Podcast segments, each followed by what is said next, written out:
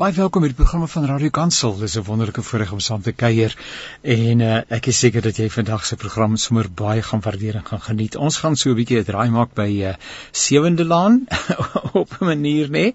En ons gaan 'n draai maak by binnelanders so op 'n manier en ons gaan ook 'n draai maak in die hospitaal so op 'n manier. So ek hoop dat jou belangstelling nou geprikkel is, dat jy ingeskakel sal bly en dat dit vir jou sommer 'n lekker kuierprogram sal wees, maar wat jy waarin jy ook 'n hele klomp lewens lewenswaarhede met jou sal saamneem die toekoms in. My naam is Janie Pelser. Zani help vir ons met die tegniese versorging en ek sê vir jou baie baie dankie dat jy ingeskakel is. Dit is my baie lekker om te gesels met geen onbekende nie en uh, dit is uh, die dame wat bekend staan as Connie van der Lek in Sewende Laan, maar haar regte egte naam is Koen Brown Hoofman en uh, dit is 'n voorreg om saam met jou te kuier. Ek vertrou dit gaan goed met jou, uh, Koen dit gaan vertreffend. Baie dankie en dankie vir die geleentheid. Ja. En ek weet jy moes nou letterlik tussen twee opnames uh van die stel af vinnig verdwyn in jou etenstyd sodat jy vir 'n paar oomblikke saam met ons kan kuier. Ons waardeer dit sommer baie baie. Maar nou, ek wil met jou gesels oor 'n interessante gesprek wat ek gehoor het uh op 'n ander radiostasie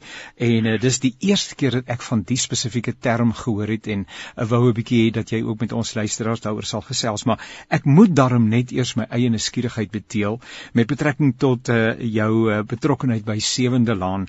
Ehm um, en ek het gewonder wanneer 'n mens vir so lank betrokke is by 'n bepaalde rol, ehm um, of jy partykeer wakker word en wonder wie jy is. Ek sê dat man nie vir jou moet sê wag net 'n bietjie kan jy net herinner waar jy nou is, né? Nee, en wat die konteks is waarbinne jy jouself bevind. ja, dit is 'n interessante vraag, weet jy wat? Ehm um, Nee, want gelukkig is ek en sy nogal verskillend. Ehm um, maar dit die interessante ding is jou lyf moet ehm um, herinner word. Soos byvoorbeeld ehm um, as ek eh uh, toe ek 'n storielyn gedoen het waar sy swanger was. Ja, ja. Ehm um, en toe sy die baba verloor sadly. Het het ehm um, my lyf het sit van nie mooi verstaan dat dit nie regtig gebeur nie. Ja, ja so dit is so interessant, maar uh ek ek het 'n hele rotine wat ek op doen om aan so 'n bietjie af te skud voordat ek dan by die huis kom by my man en kinders. uh die die spesifieke rol wat jy vertolk, wat daarvan uh, spreek jou aan? In die aard van die saak, mense is 'n kunstenaar, jy's 'n verhoog kunstenaar, jy's 'n akteur. Ja. Jy moet identifiseer met die rol. Beteken nie dat jy van die rol hou nie, maar baie keer is dit jou taakbeskrywing, maar jy's tog gemaklik in die rol. Wat is dit wat jou uh, laat identifiseer met die rol?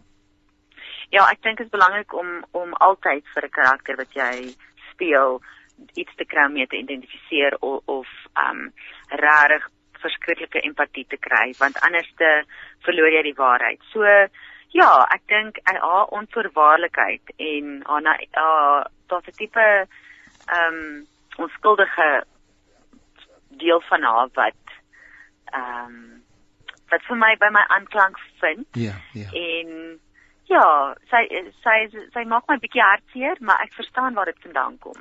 Ja. Nietemin en ek wil maar net sê daar's 'n paar ouens in die storie wat 'n ou 'n facehou of twee wil gee, maar ons sal nou nie daaroor gesels nie. dit lyk vir my dit is ek wat nie kan loskom van die karakters nie, meer nou, as wat die karakters self, nê. Nee. Nietemin Koen, ehm um, ek het 'n so 'n opsomming resume gelees oor jou eie lewe. Jy het geweldig energie en is iemand wat daarvan hou uh, om uitdagings in die oë te kyk, nie waar nie. As ek nou maar kyk hier het jy begin as 'n student at the age of 20 my life changed. En dit lyk vir my dis die narratief van jou lewe want it never stops changing. Dit is verseker so. Jette ja maar ek dink ek is um dit is wat my die lewe interessant hou en vir my heeltyd 'n missie gee. Uh ek identifiseer met transformasie en met en daarom het ek toe nou uiteindelik ook in in as 'n doula begin ek ek weet jy wil nou so ja, van in ja, daai ingaan. Ja. Ehm ja. um, maar juist daarom, ek dink ek verstaan en is nie bang vir vir verandering nie. Ja. En en ek my hele lewe lank vandat ek klein is, is, is dit nie vir my 'n ongemaklike plek om saam met mense te sit wat deur dit gaan nie, wat so half deur daai tonnel moet gaan nie of is deur diep seer kry of net erkenning gee aan iets wat aangaan en deur moederskap is daar van die meeste daarvan. So dit is 'n spasie wat ek al lank al ehm um, meer gemaklik is en geniet. Nou ek ek is so bly ek kan nie ons luisteraars sien nie want as ek nou vra wie van julle ken die term doula en hulle steek almal 'n hand op dan gaan ek daarom soos 'n seervinger uitstaan maar ek het dit nou gister vir die heel eerste keer gehoor. So vertel vir ons asseblief uh wat is 'n doula? Uh, en ek spel dit reg as ek sê D O U L A, nê, nee, doula. Dis reg, D O U L A. Dan sê nou, wat ja. se wat is 'n doula? Okay, so 'n doula is iemand wat in diens is van vroue. Uiteindelik is dit soort van dis die Griekse woord wat ehm um, direk vertaal na in service of woman. En dit klink dit het verskriklike aanklank by my want ehm um, ek het ek is 'n groot aanhanger van vroue en hoe hulle in die wêreld beweeg. 'n Doula is nie medies opgelei nie. So sy is nie 'n vroedvrou nie. Sy is nie 'n midwife nie. Sy vang nie babas nie. Sy is daar om die ouers te vang sy is daar om seker te maak die spasie waarin 'n baba inkom is 'n spasie vol liefde en geluk. So om om seker te maak ouers se geboorteplan word deurgevoer of uit, ten minste hulle word in ag geneem. Um en hulle weet hoe om hulle self fisies, emosioneel en spiritueel te ondersteun. So 'n doula is daai een wat die spasie mooi vashou in die geboortekamer. So dis die uiteindelik waar 'n doula staan. Sy's 'n ondersteunende force vir ouers. Vir my loop dit selfs verder. So ek ek loop saam met vroue voor en na geboorte. En want daai transformasie vang mense um onverwags. So hier is my diep en ehm um, rarig ek is passievol om vir om vir mammas en pappas of vir mense wat ouers word en hulle partners rarig te sê as jy uitvind jy swanger en jy kies om 'n ouer te word beweeg in daai spasie in waar jy begin erkenning gee dat jy 'n ouer is want die oomblik as jy besluit het om 'n baba te hê is jy ouer Daar kom da, da, ja, daar kom 'n radikale okay, verandering. Nee, nee, nee, ek ek sit in totale verwondering oor die manier waarop jy goeie sê. Uh, en en en ek wou vra, is ouers in jou vanuit jou ervaring en kyk dis nou lank tyd dat ons nou nie meer ouers, ek bedoel ons is ouers, maar dit was nou lank ek soos het my my het sê altyd jy onthou in elk geval niks nie so. Uh, uh, ek was so goed is nie teenwoordig nie, maar uh, dit is 'n geweldige en jy die woord transformasie uh, sien ek gebruik jy gereeld. Uh daai transisie het ek gedink is die woord wat by my opgekom het uh, terwyl jy ek jou uh, hier op die ander forum platform oor gesels het. Ehm um, uh, want dit is nie net daai babatjie wat gebore word wat 'n radikale transisie maak van een ja. bestaansmodus in 'n in 'n wye wêreld wat waarin hy seker totaal onbeskermd moet voel nie, maar ook die ouers. Ek bedoel van ek was vandag nog 'n nog 'n jong man of dan 'n getroude jong man, maar ons kon gaan waar ons wou, ons het gedoen wat ons wil, ons het ons eie môre is ek 'n ouer en dit is geweldig. Ek wil amper sê gewelddadig watter impak uh, en en en uh, beslag daai dingetjie op jou lewe lê. Nee, ja. Ja, en uh, uh, presies dit. En dit laat ouers skrik. Hulle besef nie want ons almal ons eerste babas ons dink ag ons gaan net aangaan en daai babatjie gaan inslat by ons. Ja. Hier is die ding nou. ja. Babas en kinders voel alles aan wat ons nie bereid is om hardop aan te spreek nie. Ja. So as 'n baba angstig in die wêreld inkom of so, en moet ons ehm um, verantwoordelikheid vat vir hoe ons voel want want vir die eerste 3 jaar ten minste en of dit baie duidelik dat babas en kinders regtig hulle hulle speel uit wat hulle by hulle ouers optel. Ja, ja.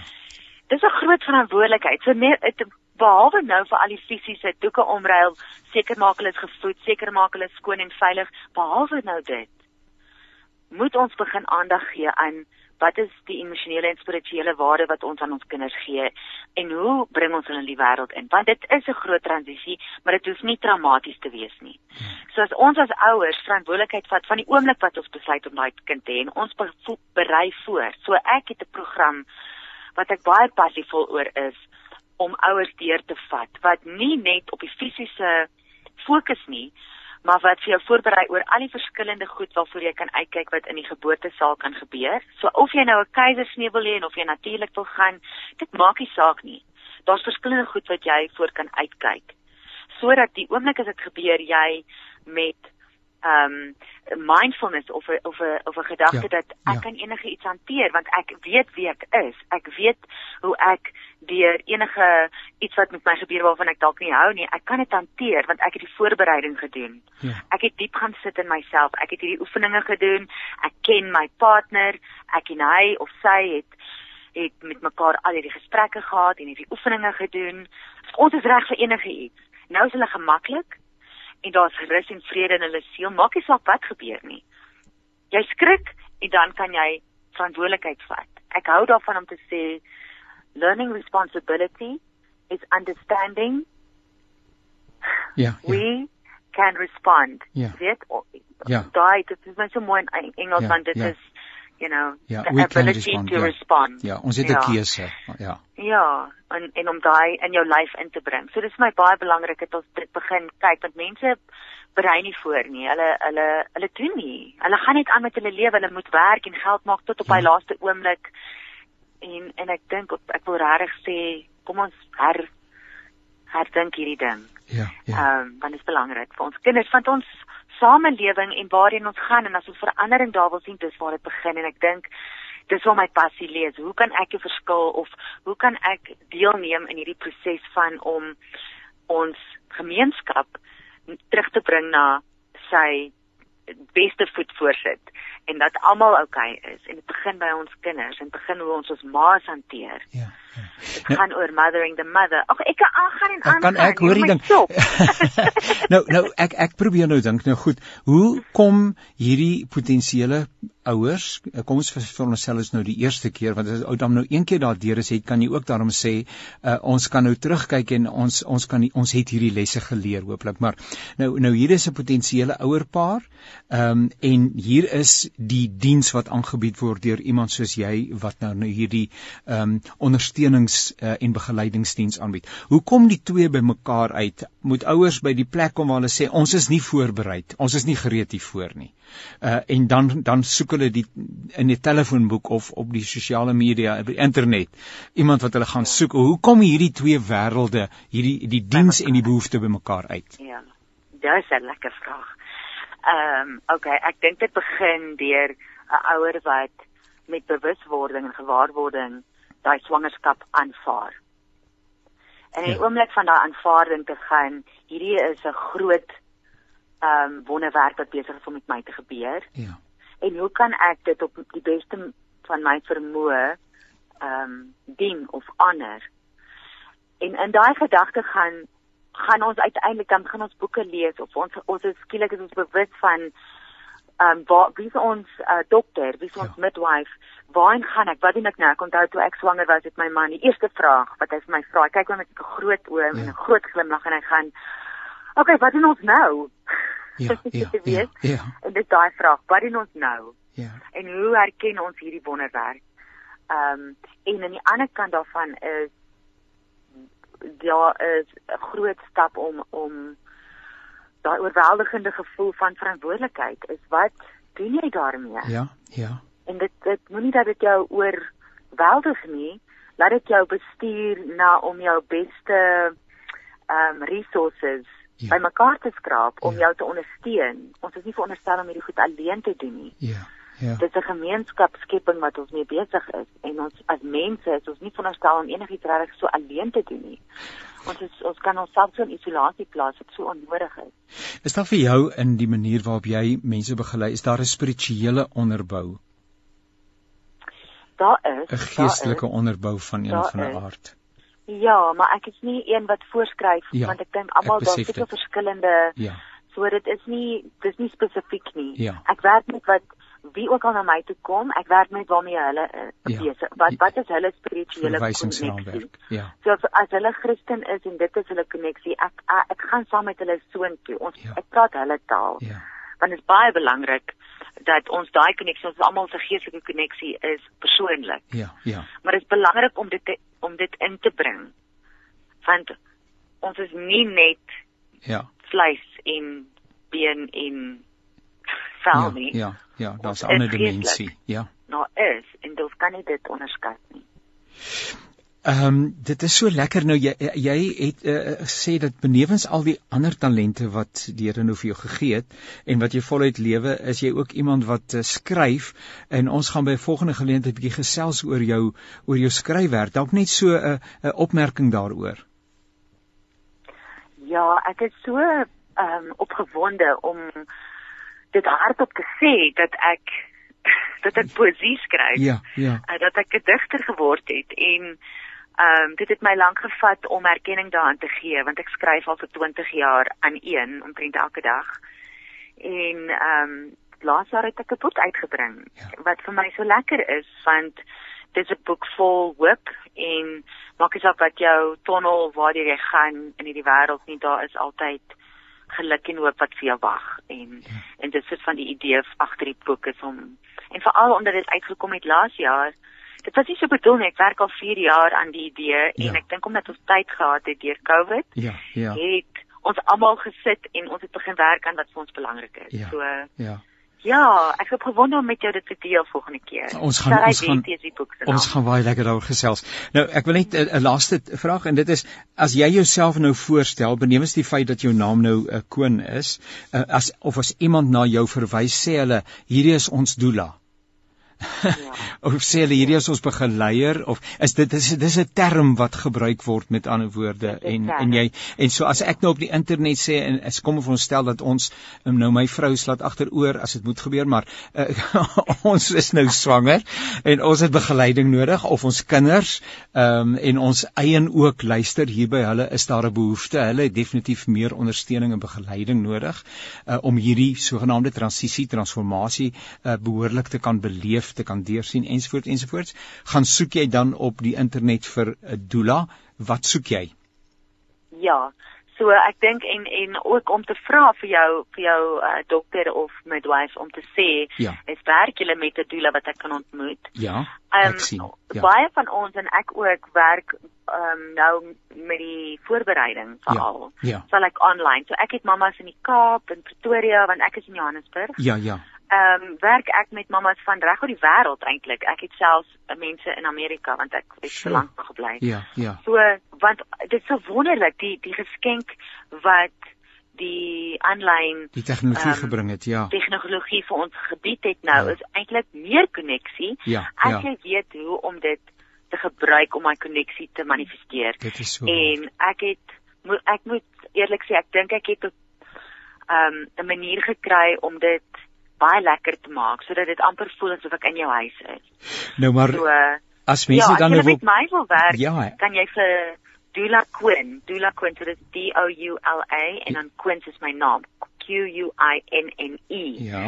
Ehm um, is op my Instagram, op my Facebook, ek het 'n Dula Quinn bladsy op my Facebook, ek doen donderdag 'n live chat gewoonlik so mense kan vir my 'n vraag stuur of dis sommer net so informele lekker gesels spesifiek in die wêreld van moederskap en geboorte en en al daai goed.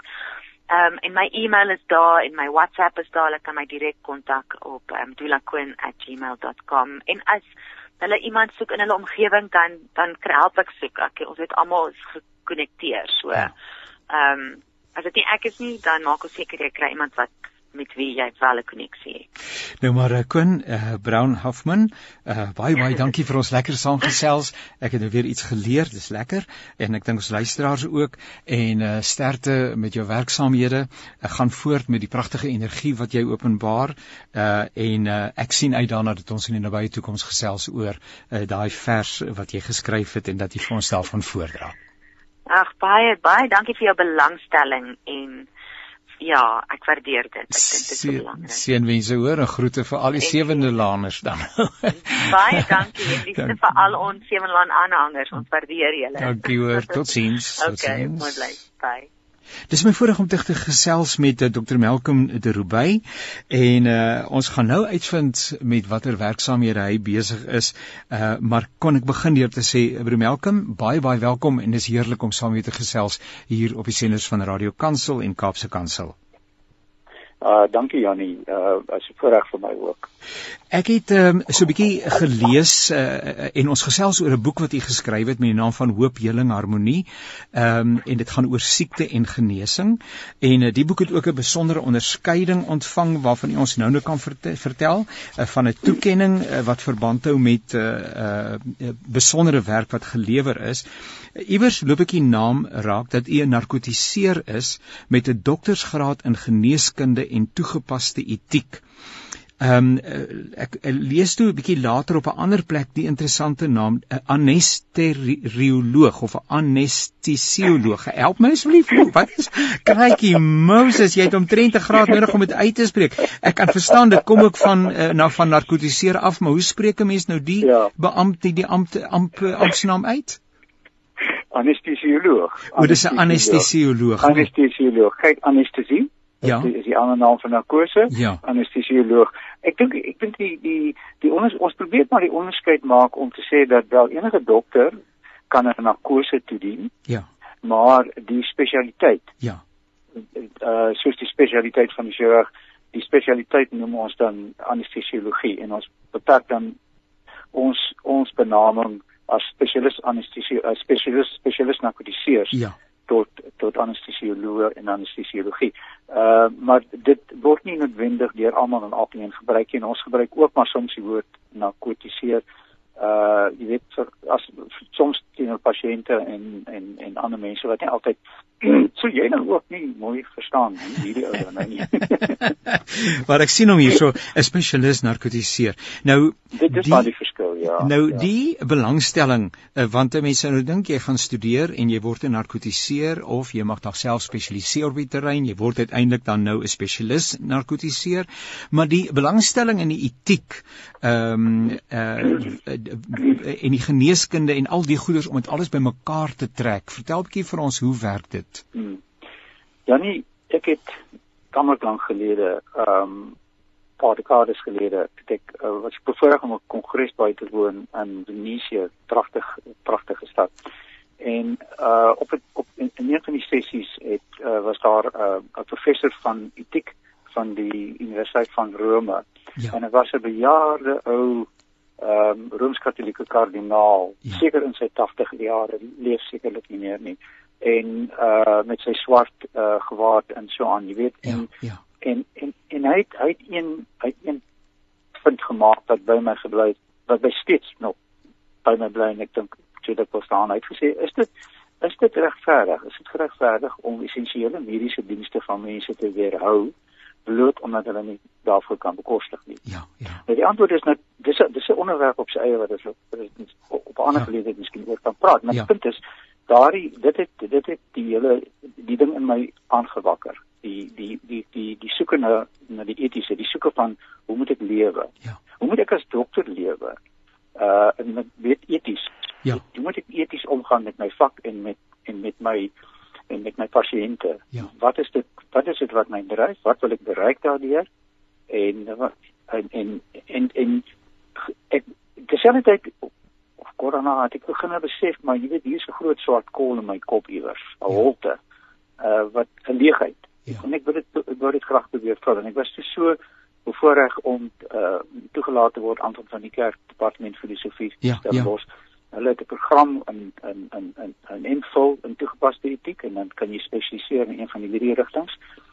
Uh en hulle ek is aanvaar daarvoor en ek het dit gedoen en ek het onmiddellik oorgegaan uh in in in, in, in om my doktoraat te doen en uh die die die onderwerp daarvan was die die die morele waarde van voorgeboortelike lewe wat in die kwessie van ternasie van swangerskap nie direk nie maar indirek is dit nou spreek dit aan, jy weet. Ja. Baie rigtings van. Dit waar my belangstelling begin het, maar ek het sê dit net ek nou baie uitgebrei in navorsingsetiek. Ek was lank uh op een van die navorsingsetiekkomitees van die Universiteit van Stellenbosch. Nogal vreemd as 'n buitestander om, jy weet, so 'n ja. belangrike uh pos te kry of aanstelling te kry.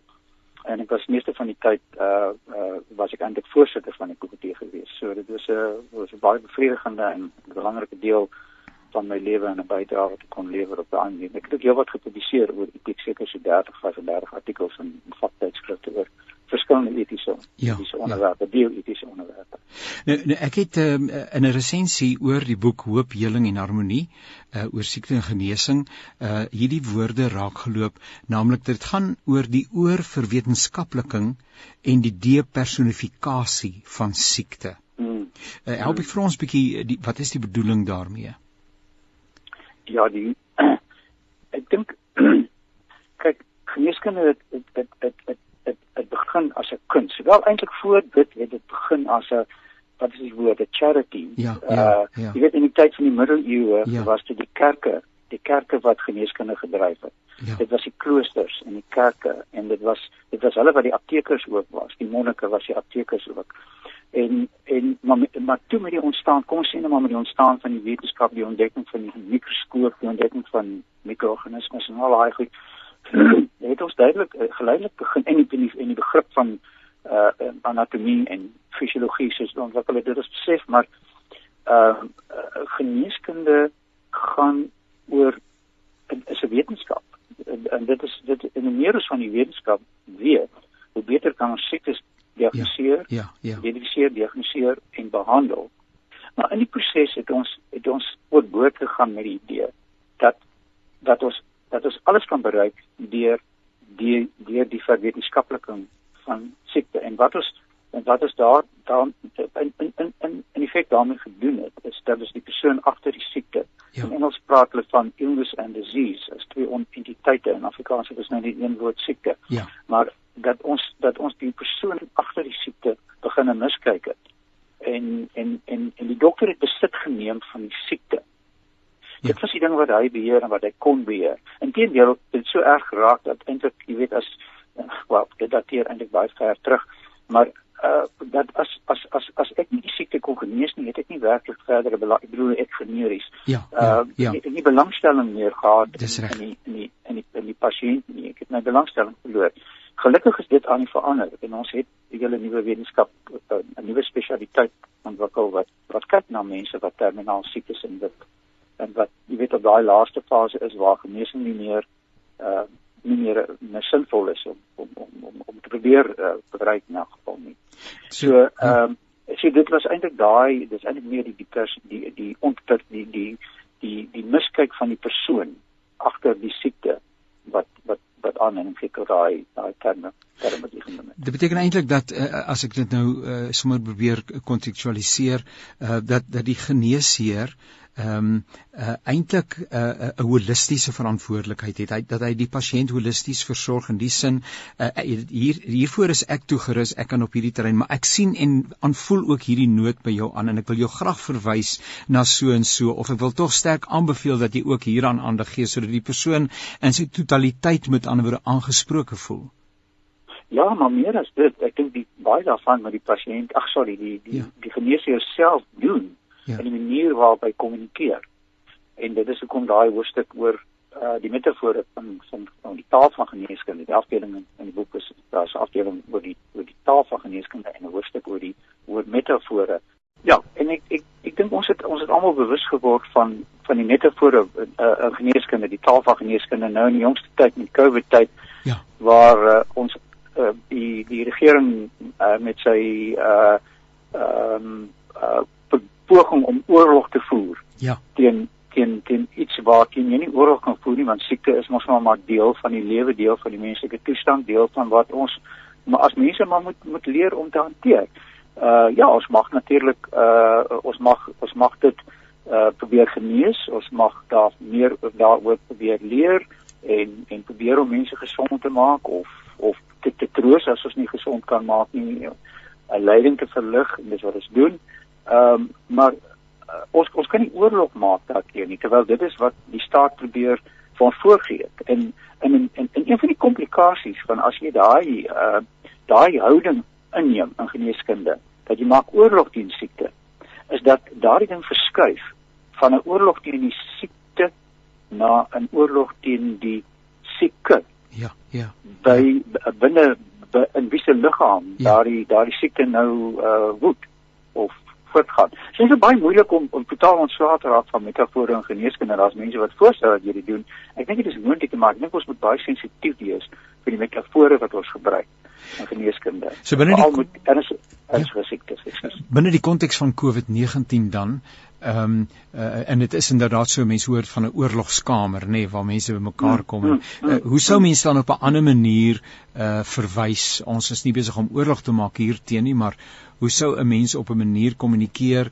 dat ehm um, dat Jan publiek veilig voel? Ek dink een van die groot uitdagings uh van die huidige in Suid-Afrika is uh dat ons uh, met reikhalsende verlange uitgesien het na hierdie uh oplossing wat kom en uh en en en dit kom nie soos wat ons verwag het nie want die inentingsprogram is is is na my uh verstaan is traag en nie op koers nie.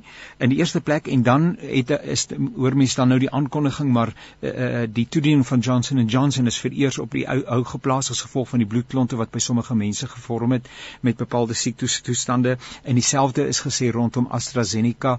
En en en aan die ander kant uh sit sit die pasiënt of die potensie die die die kliënt wat die enstof nodig het ten einde om homself te kan aanstekens beveilig. Eh, maar nou jy voel eintlik al onveiliger in hierdie omgewing. Ja, ek dis dit, dit is die resultaat van die taal wat ons gebruik. Ja. En, en en as as ons daardie daardie oorlogsmetafore uit die taal kan verwyder en en en siekte nie beskou as iets miskien uit die bose ja omdat ek iets verkeerd gedoen het of wat ook al nie maar bloot dit is dinge wat wat met ons as mense gebeur. Ja. Dat ons net dat ons net dit as dit ware uh ek het blou oë, jy het bruin oë, nee, dit is nou maar net hoe dit is. Ja. En en en en ek dink dan dan kan ons wegbeweeg van daai idee dat dat uh een van die probleme natuurlik ja. is dat dit is wat hoe beskou jy dit as siekte nie genees kan word. Miskien kan ons net daai dit sien dalk so so 'n idee gee van wat ek probeer sê. Uh as as as ons as siek nie genees kan word nie. Uh en en jy en jy dink in 'n oorlog konteks dan ja. dan dan kry jy die idee van ja maar nou het ek die stryd verloor. Ja, ja. Maar wat beteken dit? Wat sê jy? Ja. Wat het ek nou, nou verkeerd gedoen? En wat gaan nou met my gebeur? Inderdaad. Ja. Daar's dis 'n soort van ding wat wat ja. wat mense bevang en in in vrees bevange maak hieroor. Ehm um, ek ek ek ek dink dit is die algemene benadering en ek en ek en ek en ek vrees dit is die regering se benadering tot 'n groot mate wat die wêreld wat die wêreld bang wat ons bang maak hieroor. Ja. En ek dink ons moet ook besef dat dat eerstens dis deel van die lewe, siekte is deel van die lewe, maar ons moet ook 'n ander benadering teenoor die wetenskappe en moet, ons moet verstaan dat uh, wetenskaplike taal is nie 'n taal van stryd nie. Ja. Dit ja. is 'n taal van ontdekking, van vra vra, van antwoorde kry. En maar alle vir alle antwoorde is kontekstueel. Dit is beperk. Dit is jy weet môre het daar nuwe inligting soos jy nou die, die kwessie van die, die instowwe genoem het. Ja. Gister het ons dit gedink, vandag sê hulle nee, hier en hier is ook nie eintlik 100% veilig miskien nie. Ja, ja. So ons ons moet verstaan as ons met die wetenskap werk waarmee ons eintlik werk. Dit is nie 'n sekerheid nie. Dit is nie 'n ewige sekerheid dit is beslis nie 'n ewige sekerheid nie. Dit is maar net kontekstuele kennis wat ons het vandag in aanleiding van die inligting wat ons het en ons verstaan van die ding en en ons probeer dit toepas op 'n versigtige manier. Maar môre het ons nuwe inligting en en is dinge anders en dan moet ons nou maar ons moet nie dan sê oek, vader land nou het jy hele die pad byster geraak omdat die die die die net sorry die die uh instowwe nou nie so veilig is of werk nie. Nee, ons wag maar net so rukkie nuwe inligting sal kom en ons wag en kyk wat sê daai inligting vir ons. Maar wat gebeur nou? Die leek en die pers en baie dokters is besig om 'n stryd te voer want daar daar daar smaak my hulle wil iemand wil wen iemand wil sê ja, ja. die instowwe is goed of die instowwe is sleg? Is uit die bose uit selfs wat het ons wat het die hoofregter gesê? Weet hom nou nie almal ja, ja, maar jy ja, weet wat hy gesê het ja, ja. en en en die soort van en in steede van ons daai houding inneem dis net sê ons is besig met wetenskap wetenskap werk nie so nie. Ja. Wees net bietjie rustig kalm ons kom daar uit. Ons gaan daar uitkom. Binne die konteks dan nou van van u boek Hoop, Heling, Harmonie. As ek nou vandag as luisteraar iemand is wat wat regtig siek is. Hoe moet ek oor my siekte dink in steede daarvan om dit as die vyand te sien, in oorlog te verkeer en dan selfs te bely ek is besig om die stryd te verloor want ek dink dis hoe ons praat daaroor. Hoe, ja, hoe moet ek ja. oor my siekte dink ja. en voel? Ja. Wel ek ek dink om jou te help moet ons wat wat aan die aan die uh uitdeelkant daarvan is. Moet ja. ons versigtig wees wat 'n taal ons gebruik. Ja. Ons moet natuurlik sensitief wees vir die taal wat jy gebruik en en probeer aanpas, maar ons moet altyd daai metafore probeer positief positief ja. aanwend. Ja. Want daar's altyd nog iets. Daar's altyd dit is nie uh, uh, ek dink dit is verskriklik belangrik en dis kom ek gefokus op gefokus het op hoop is dat die hoop jy teen die einde is dalk nie dat jy genees gaan word nie, maar ja. daar's altyd hoop. Hoop is iets wat nie beskaam nie. Hoop ja. is daar dit jy moet net die die konteks van die hoop uh, uh, verskuif. Ja. Van iets na van buite af die groot goed, genesing, uh, palliasie, wat ook al. Nou, sorry, uh uh, uh van genesing na binne. Ja. Na palliasie, na 'n goeie nagrus, na die die hoop dat ek môre my vriende weer sal sien, daardie goedjies sal aanvaar. Daar bly nog altyd hoop vir 'n mens en ek dink dit is dit is ek dink een van die goed waarop ons moet fokus as ons as ons aan aan aan siekte en aan onsself dink. En dan natuurlik ons moet soos jy net reg gesê het, nie siekte beskou as een van daai negatiewe goed nie, maar net sê ja, dit is nou dis nou maar taaf, maar dis maar wat met ons as mense gebeur. Dit is nou al hierdie eeue heen, is dit wat gebeur het en ons gaan almal op daai daai selfe paadjie op die ount loop op 'n verskillende manier vroeër of later en ons hoop almal dit gaan later wees en dit sal nie met baie pyn wees en so nie. Maar ons gaan almal daai paadjie loop en ons moet maar ons moet maar reg wees daarvoor. Ons moet wel verstaan nie goed gaan met ons gebeur. Ja, ja. En uh ons moet maar jy weet die beste probeer maak van 'n van 'n moeilike situasie, maar dit nie beskou as 'n bestraffing of ja. enigiets van daai aard nie, maar net probeer om die beste te maak daarvan. Dit klink bietjie fatalisties, maar dit is nie eintlik nie. Met ander woorde, die die die ook die siekte as dit dan nou kom, dit innooi want ook die siekte bring sekere boodskap, sekere inhoude.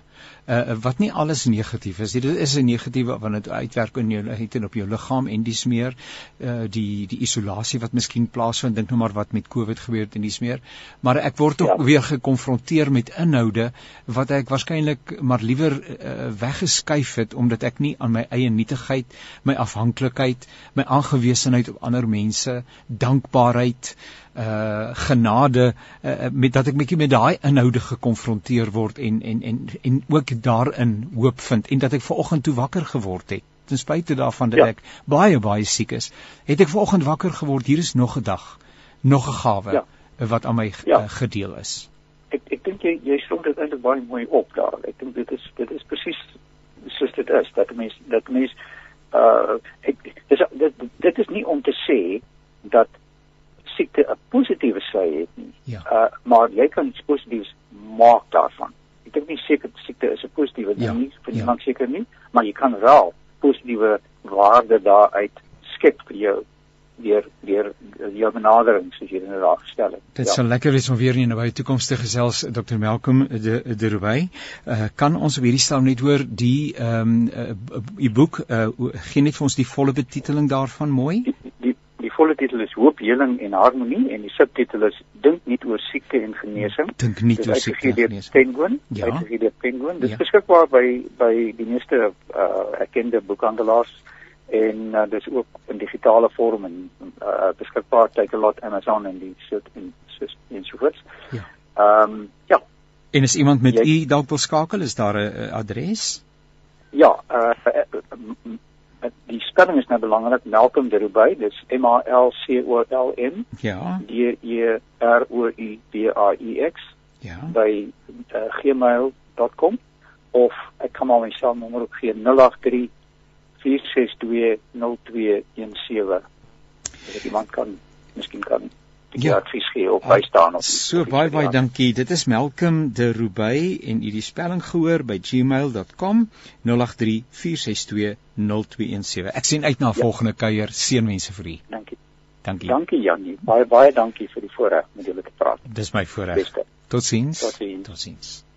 Ek is baie bevoorreg om vandag te gesels met mense wat uh as dit ware ons uh, ons huise bewoon op 'n sekere manier want ons het net toe gesels met Koen uh, en uh, sy is die dame wat uh, natuurlik Connie vertolk in Sewende Laan. Ons het gesels oor uh, haar werk as doula en was dit nie interessant nie? En nou praat ek met ewenigs 'n baie bekende uh, iemand uh, vir wie jy gereeld op die televisieskerm sien maar ook binne 'n verskeidenheid van ander uh, verbande ken en dit is Heitjie Berg. Weliswaar weer vinnig net van die stel af uh, om saam met ons te kom kuier. Heitjie, baie baie welkom en dankie dat jy die tyd inruim. Hallo Jannie, dit is uh, dis wonderlik om saam met jou hier so te wees. en ek wil vir die stief vir die luisteraars sê welkom en so dit is letterlik soos wat Jannie sê ons hier tussen tonele en Konrad Bester moet opereer en dan moet hier iets gebeur en daar iets gebeur so en ons harte vandag 'n klein bietjie laat so tussenin deur die kon ons darm 'n tydjie gemaak het om te gesels. Ek ek kon myself net nou nie verhelp om uh, vir ehm um, amper sê ek vir ja vir Koen, amper sê ek kon nie om vir haar te vra hoe sy uh, haarself losmaak van karakters nie en, en ek wil vir dieselfde vra want jy was nou net besig en jy het vir my terwyl jy vir my gesê het hoorie ek is nie seker dat ek betyds gaan wees nie dis 'n baie intensiewe toneel uh, dit vra baie baie aandag en en alles wat daarmee saamgaan, emosie, alles wat daarbey betrokke is. Inskielik dan as jy nou stap jy uit en uh, en en ons gaan eers gou ietsie of wat ook al en jy's weer terug in die normale lewe. Ja, nie kan kan man kan ek vir jou sê voorheen het ek myself verskriklik ernstig opgevat as 'n akteur. Vandag is dit letterlik gaan in doen jou werk word betaal gaan uit. So maar jy dit en en en, en moenie en moenie in die in die furniture pas loop nie. Ja, ja. So so nee, maar dit is so daar is baie masjinerie goed wat veral nou vandag. Vandag ja. het jy van daai dae waar daar nou klop goed gebeur hier. So stel so, jy gaan maar huis toe en dan moet jy maar die die die stoffasie afhaal en ehm um, en uh, ja. En dan kom jy weer terug by wie jy eintlik ten diepste is, ja, nee. Ja, ja, ja. Ek so, maar ons het ons is 'n groot groep mense wat mekaar daarom ondersteun, ja. so dit lekker. Ek het nie nou tyd om na jou CV te verwys nie, maar dit lyk vir my asof jy 'n man is met gewellige energie en dryfkrag en uh entoesiasme uh en kreatiwiteit. ja, wel prys die Here jy gaan die TV lees, ek is bly daaroor.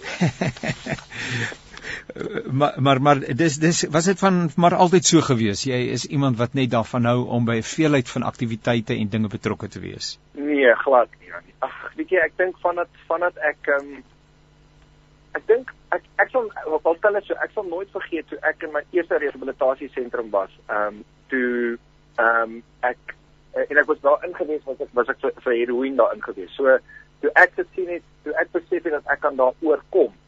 Toe ehm um, toe dink ek vir myself, weet jy, ek kan nou enigiets aanvat. So en en dit was vir my regtig regtig ehm um, 'n uh, groot gewees. So en van daardie af is dit ek het besluit jy weet ek gaan alles tackle wat ek kan tackle. Ja, ja. Hykie as ek na die uh resensie kyk van die boek uh uh wat jy geskryf het en waarvoor jy ook 'n toekenning ontvang het, ehm um, dan is daar 'n paragraafie wat nogal met my praat en wat my aanspreek. Uh daar staan die boek beskryf hoe Berg te midde van loopbaan hoogtepunte aan dwelmverslaam gelei en amper dood is. En my my vraag is hierdie kontras wat 'n mens in hierdie ja. stelling aanvoel van aan die een kant is dit sou mens wou sê met die wêreld aan jou voete. Ek bedoel wat wil jy nou meer in die lewe hê as loopbaan hoogtepunte? En ja. tog ook die diepste van nood wat jy in jou eie menswees beleef. Man ag Janie, weet jy wat nee, ek het ehm um, ek het wonderlike hoogtepunt in my in my loopbaan bereik en toe jy weet en ek was toe op in daai stadium was ek baie jare skoon gewees al klaar. So ek het 'n lang tyd van herstel en soberheid agter my gehad en ek was verskriklik betrokke by Narcotics Anonymous en jy weet in die wêreld van herstel van 'n uh, uh, verslawing en natuurlik jy weet ja. Ehm um, jy weet dubbele diagnose en al daai tipe goed maar toe ek geval en ek het geval toe ek regtig op die kreun van my loopbaan was want jy weet jy vergeet maar jy begin te vergeet en jy dink alles is oukei okay en alles en jy dink jy kan nie goed musiek maar, maar weer beheer en alles hanteer, en toe, ja. en toe val ek en toe is dit asof ek weer alles verloor het en ek het baie erger teruggeval as wat ek oorspronklik was. Ja. Ehm ja. um, so jy jy lê jy is in daai gat waar jy dink hoe het jy uitgekom? Hoe het dit gebeur dat jy een keer deur die Here gespaar of 'n paar keer deur die Here gespaar, jy weet en hy en hy het jou in hierdie pad gevat waar jy 'n uh, 'n lewe vir jouself kon oopkers en toe iewes skielik in 'n kwessie van ag jy kan jy oorknip as jy weer nog dieper af as wat jy laas as as wat jy was. So ehm um, en om dan weer daar op te staan is dit dit was seker een van die moeilikste goed in my lewe gewees. Maar jy weet prys die Here, dit het gebeur. Kyk, dit het vele kere gebeur. Ek het baie kere teruggeval en ek dink dit is 'n ding wat 'n ouer of iemand moet weer daar buite kan dat as indien jy weet jou seun of jou kind of iemand jy weet 'n uh, probleem met verslawing, relapse is deel van die proses. Ja. Dit is absoluut deel van die proses. Ek was hoeveel keer in rehab gewees. Ek het hoeveel keer teruggeval. It is really part of the process. Die die ding wat jy die meeste net vang is daai shame en die guilt. Jy weet daai absolute shame van jy weet ek hoe hoe ek nie goed genoeg is om skoon te kom of om 'n 'n lewe van ware te leef nie. dit is 'n ding wat 'n mens moet oorkom. Jy weet in terme van as jy wil regtig regtig die pad van herstel loop. Kan ons 'n bietjie gesels oor die rol van geloof ehm um, binne hierdie hele stryd want dit lyk vir my uh, ek wil amper met groot liefde en respek praat oor uh, alkoholisme as jy sê ek is 'n alkolikus uh, dit is 'n dit is 'n leeftydse werklikheid uh, jy moet daarmee ja. saamleef soos iemand wat hoë bloeddruk het en en jy moet met ander woorde ook ehm um, met verantwoordelikheid optree omdat jy besef dat wat hierdie saak betref ehm um, uh, nou ja het die duiwel uh, nie met jou baie goeie bedoelings nie ehm um, ja. uh, so so ook in in hierdie hele uh, aangeleentheid geleentheid. God sy genade sy die vangnet wat hy vir jou span en tog aan die ander kant dat hy jou tog wel weer by wyse van spreuke toelaat dat jy weer in daai uh, in in daai sak en as gaan sit. Hoe hoe werk 'n mens met jou verstaan van God Man ek kan simply sê ek dink mense blameer die Here en die duiwel hopelik vir te veel goed en mense vat net persoonlike verantwoordelikheid vir hulle eie keuses nie. Ja. Jy weet ek het geval as gevolg van my keuse, nie die duiwel het dit gedoen op die Here nie. Ja. Jy weet ek it, it was my decision. I, ek het dit gedoen. Ek dink ehm um, die die feit dat mense as jy 'n addict is, as jy altyd 'n addict, dit is so baie mense hou nie daarvan om dit te sê nie. Nou ek verstaan dat die woord kan miskien bietjie doodspreek as jy sê ek is vir altyd 'n addict, maar bloot wat dit beteken is dat my lewe kan slegs werk as ek 100% sober sober leef. Ja. Ehm ja. um, wat hulle bedoel want jy is altyd 'n addict, once an addict always an addict en alkoholiek beteken net dat jy kan nooit drank of of dwelms ooit beheer. Nooit nie. Selfs al is jy 20, 30 jaar skoon, as jy ooit weer gaan optel gaan dit dit eksponensieel vinniger jy weet uh jou weefpad tot jy weet in die diepte in. So, so dis maar alhoekom hulle sê dit is 'n siekte dit het niks met die alkohol te doen nie, dis die alkoholisme. Dit is 'n obsessiewe kompulsiewe geestelike en en en psigiese siekte. Ja. En dit is en die rede van die rede is om 'n bietjie boeke skryf het is om mense in te lig daaroor dat jy weet dit is niks te doen met 'n ou se wilskrag of sy morele oortuiging of sy karakter nie. Dit is so maklik van jy weet want baie mense dink ag hier so kom ou die ou net op met hy sterkte wilskrag. Want jy ja. kan nie diarree beheer met wilskrag nie, kan jy? Ja. ja. Jy weet dit is dit is dit is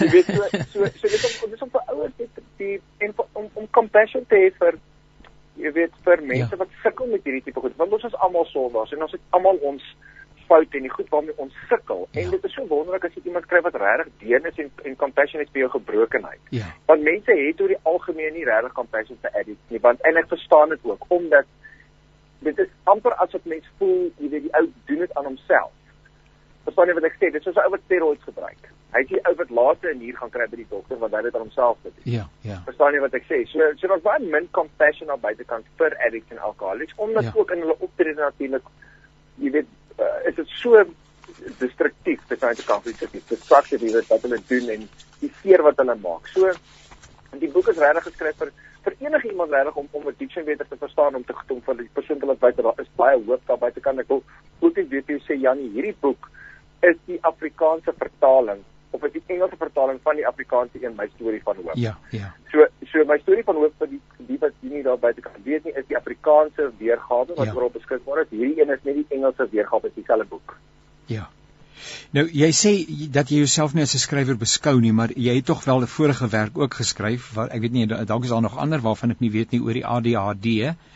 En, dit was nie dit is my nuutste boek. So die die ADHD het nou na hierdie een uitgekom. O, dit is jou nuutste boek. Dis jou nuutste boek. boek. Ek sê maar ja. hierdie toekenning is dan nou gemaak vir hierdie boek Ultimate Survivor Saved from My Drug Addiction. Ja. Kan ek maar die woord dan daar gebruik terwyl van uh, van wie ook al dalk luister en dies meer. Uh, wat wil jy dan met ander woorde kommunikeer? uh, as as ek nou vir jou vra hierdie boek waarvoor jy hierdie toekenning gekry het. Uh want dit ja. bly dit bly relevant. Een van die goeders is die boek kan nie oud word nie want die probleem is so relevant soos ons asemhaling uh ja. in enige konteks ook in Suid-Afrika en waarskynlik in baie huishoudings uh mense wat luister is daar iewers in hulle verwysingsraamwerk iemand wat 'n uh, afhanklikheids 'n uh, uh, probleem het. Uh, wat is die boodskap wat jy wil oordra? Ek dink die boodskap is uh, is eers dat daar's daar's altyd hoop jy weet vir vir enigiemand. Ek wil ek ken mense. Ek was 7 keer in rehab. Jy weet ek ken mense wat 36 keer in rehab was wat eventually skoon gekom het. Ek ehm um, en die, dit is regtig maar ehm um, eerstens die, die boek gaan eintlik eerstens oor hoe God met addicts werk deur die 12 stappe en hoe homself ontbloot aan aan hy sien hoe homself aan my ontbloot het en hoe ek die Here gevind het tussendeur al die chaos van alles wat ek probeer het om skoon te kom en allerlei geloof wat ek tussendeur in was en so en eintlik as mense die boek gaan lees gaan jy agterkom jy's maar miskien is my kind nie so erg nie maar daar's baie ander mense wat sukkel met presies dieselfde goed. So ouers moet verseker hulle is nie alleen nie, hulle probleme is nie uniek nie. Daar's duisende mense wat sukkel met hierdie probleem. Ja. Ehm um, en dat daar is 'n oplossing. Mense weet dalk nie wat is van hierdie oplossings nie en dan natuurlik om mense op te lei in terme van die 12 stap program. Wat is die 12 stappe? As hulle nou praat ja. van rehabilitasie, wat is rehabilitasie? Daar's soveel tipe verskillende rehabilitasies daar buite kan. Ja. En dan natuurlik en dat jy kan 'n lewe van purpose en betekenis leef. 'n Groot lewe van purpose en betekenis. En hierdie boek is nie verseker nie net vir addicts nie. Dit is eintlik vir enige persoon wat voel dat iets wat hom vashou op terughom in die volheid van God se beloftes in te leef. Ja. Jy weet en en absoluut in oorwinning te leef. En ek dink dit is die die die kor boodskap, ja. Is daar verband tussen ehm um, hierdie afhanklikheids uitdaging uh, en en help my om my taal reg te gebruik uh en en die ADHD is daar verband tussen die twee goed? Absoluut. Absoluut. So so so, so die boek wat gaan handel oor ADHD gaan gaan oor mental illness en in my geval gaan dit oor die die diagnose wat ek primêr of sekondêr gehad het van my uh, addiction ehm um, jy weet wat wat wat saam met my verslawing gepaard gaan want ek is ek ken soos baie mense, jy weet, word gediagnoseer met depressie en angsversteurings en ja. jy weet, bipolariteit en al daai goed. En daai goed lê baie keer primêr of sekondêr van addiction en natuurlik verslawing amplifieer dit baie. Ja. So met die ADHD het, het ek het ek verskriklik mee gesukkel en natuurlik die boek fokus op al die medikasies wat ek op gesit is daarvoor en wat vir my gewerk het en wat nie vir my gewerk het. Want daar is daar is soveel kontroversie rondom daai tema, jy weet, ja. en rondom medikasie en rondom al daai tipe goed en ek het maar net my journey gaan skryf en vandag is ek medikasie vry. Ja. En weer eens, so dit is moontlik om in 'n om 'n gesonde ehm um, holistiese jy weet 'n uh, lewe van wellness te leef. Ja. Jy weet, indien daar besluit maak om regtig net self te kyk, ek het niks teen medikasie nie, ek het niks teen hierdie goed nie. Daar's wonderlike en dit is nie vir die, vir die medikasie wat ek waarskynlik dood gewees vandag, maar my punt is is dat jy kan uh, jy hoef nie 'n uh, 'n slagoffer te wees van die diagnose wat op jou gemaak word nie. Jy hoef nie 'n slagoffer te wees van die feit dat jy 'n uh, addict is nie. Jy kan jou lewe regkry. Jy hoef nie self ander te val nie. Jy kan verantwoordelikheid neem en jy kan opstaan. Jy hoef nie 'n slagoffer te wees van die feit dat jy ADHD het of depressie ly of enige tipe goed is nie. Jy kan hierdie goed oorkom in gees. Jy jy kan dit oorkom. Dis nie te sê dat jy nie op medikasie gaan wees nie. Ek sê net jy kan regtig 'n vol lewe lei. As 'n mens ehm um nou die pad geloop het wat jy self nou al geloop het, jy het verwys, ek dink jy het gesê ek het dit iewers geskryf 7 maal al uit uh, die pad van rehabilitasie geloop. Begin 'n mens nie naderhand hoe hoe hoe hoe help jy? Hoe help die geloof? Hoe uh, ek ek dink ook daar moet sekerlik 'n ondersteuningsbasis wees. Uh, hoe help dit jou om nie in vrees te lewe en te sê sê nou maar, sê nou maar. Nee, ek ek ek nee, ek ek leef net vir vandag, ja. ja. As ek jou moet sê ek gaan nooit as ek jou sê ek gaan nooit weer relax nie, gaan ek gaan ek lief want ek weet. As 'n alkoholist sê ek gaan nooit weer drink, moet jy weet ek gaan dit. Ek ja. my skoon net vir vandag. Ek weet vandag is my verhouding met die Here solid. Ek weet vandag het ek kan ek kan ek surrender. Ek weet vandag kan ek my wil oorgee vir die Here. Ek weet dat vandag gaan ek nie optel nie. Vandag kan ek my sponsor bel. Vandag kan ek my stappe werk. Vandag kan ek die beginsels ek kan doen wat ek moet doen. Ja. Maar ek weet nie van môre nie. Ja. So dalk nie gaan dink oor môre oor maar as ek moet gaan sit en dink ek kan nooit weer 'n bier drink, jy maak dit nog steeds mal. Ja. Dis nie wat ek sê. So you, you you live it I live for today. En dit is dit is so hoe jy dan baie daarvan skoontheid opbou. Ja. Ek kan nie begin in vrees. Ek leef glad nie meer in vrees. Dit is 'n ding wat elke nou en dan nog opkrap, maar hoe langer jy skoon bly, hoe meer begin jy die vrugte ervaar van skoon leef. Ja. So en dit begin die die die lewe of die kultuur van addiction dit begin dit dan ehm um, jy weet op jy begin die die vrug kan jy maar sê die voordeel van om skoon te bly raak groter as die voordeel om te use. En nou sal ek net sê wel wat is die voordeel van dwelmsgebruik wel vir 'n ja. addict? Ja. Proper addict. Dis dan wat ek sê. Ja. Dit is 'n uh, dis dit nie iets wat wat 'n normale persoon gaan regtig verstaan nie, maar ja. Ehm um, maar hoe langer jy spring by hoe makliker raak dit. Ja, ja.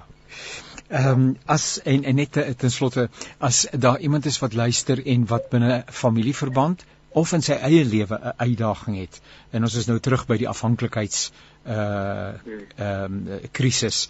Ehm um, watter raad wat wat sou jy vir daai persoon wou sê? Ek ek dink die heel eerste ding is Janie, is jy moet jy weet Anthony Robbins sê sê altyd jy weet die mense wat die mees suksesvolste is in alle endeavors is die mense wat die moeilikste vrae die eerlikste beantwoord. So jy moet jouself daar's twee vrae wat jy jouself moet vra. Jy weet as jy begin kan jy stop en die tweede ding is maak dit my lewe unmanageable jy weet wat dit ook al is of dit nou pornografie is of sex addiction is of dwelm of wat dit ook al is. Ja. Maak dit my lewe on, onbeheerbaar of onbestuurbaar met ander woorde in terme van my verhoudinge my werk my familie my kinders al daai tipe goed. En dan is daar baie mense daar buitekant wat jou wil help. Daar ja. is regtig mense wat jy weet vandag ons nog nooit van tevore in die geskiedenis van die bestaan van die mens soveel geleenthede gehad van mense wat regtig jou wil help. Ja. And it is no shame in struggling want ons is almal gebroken. Ja. I mean ons is almal so gebroken. Ek wil ek is die mees gebroken van hulle almal. So I mean daar's geen shame daarin om te om te gaan praat oor jou foute en en om uit te uitreik help. Want daar is 'n genuine baie daarby. Ja, ja.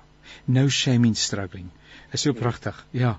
En uiteindelik het ons almal maar iewers 'n stukkie stikkend in onsself nie waar nie.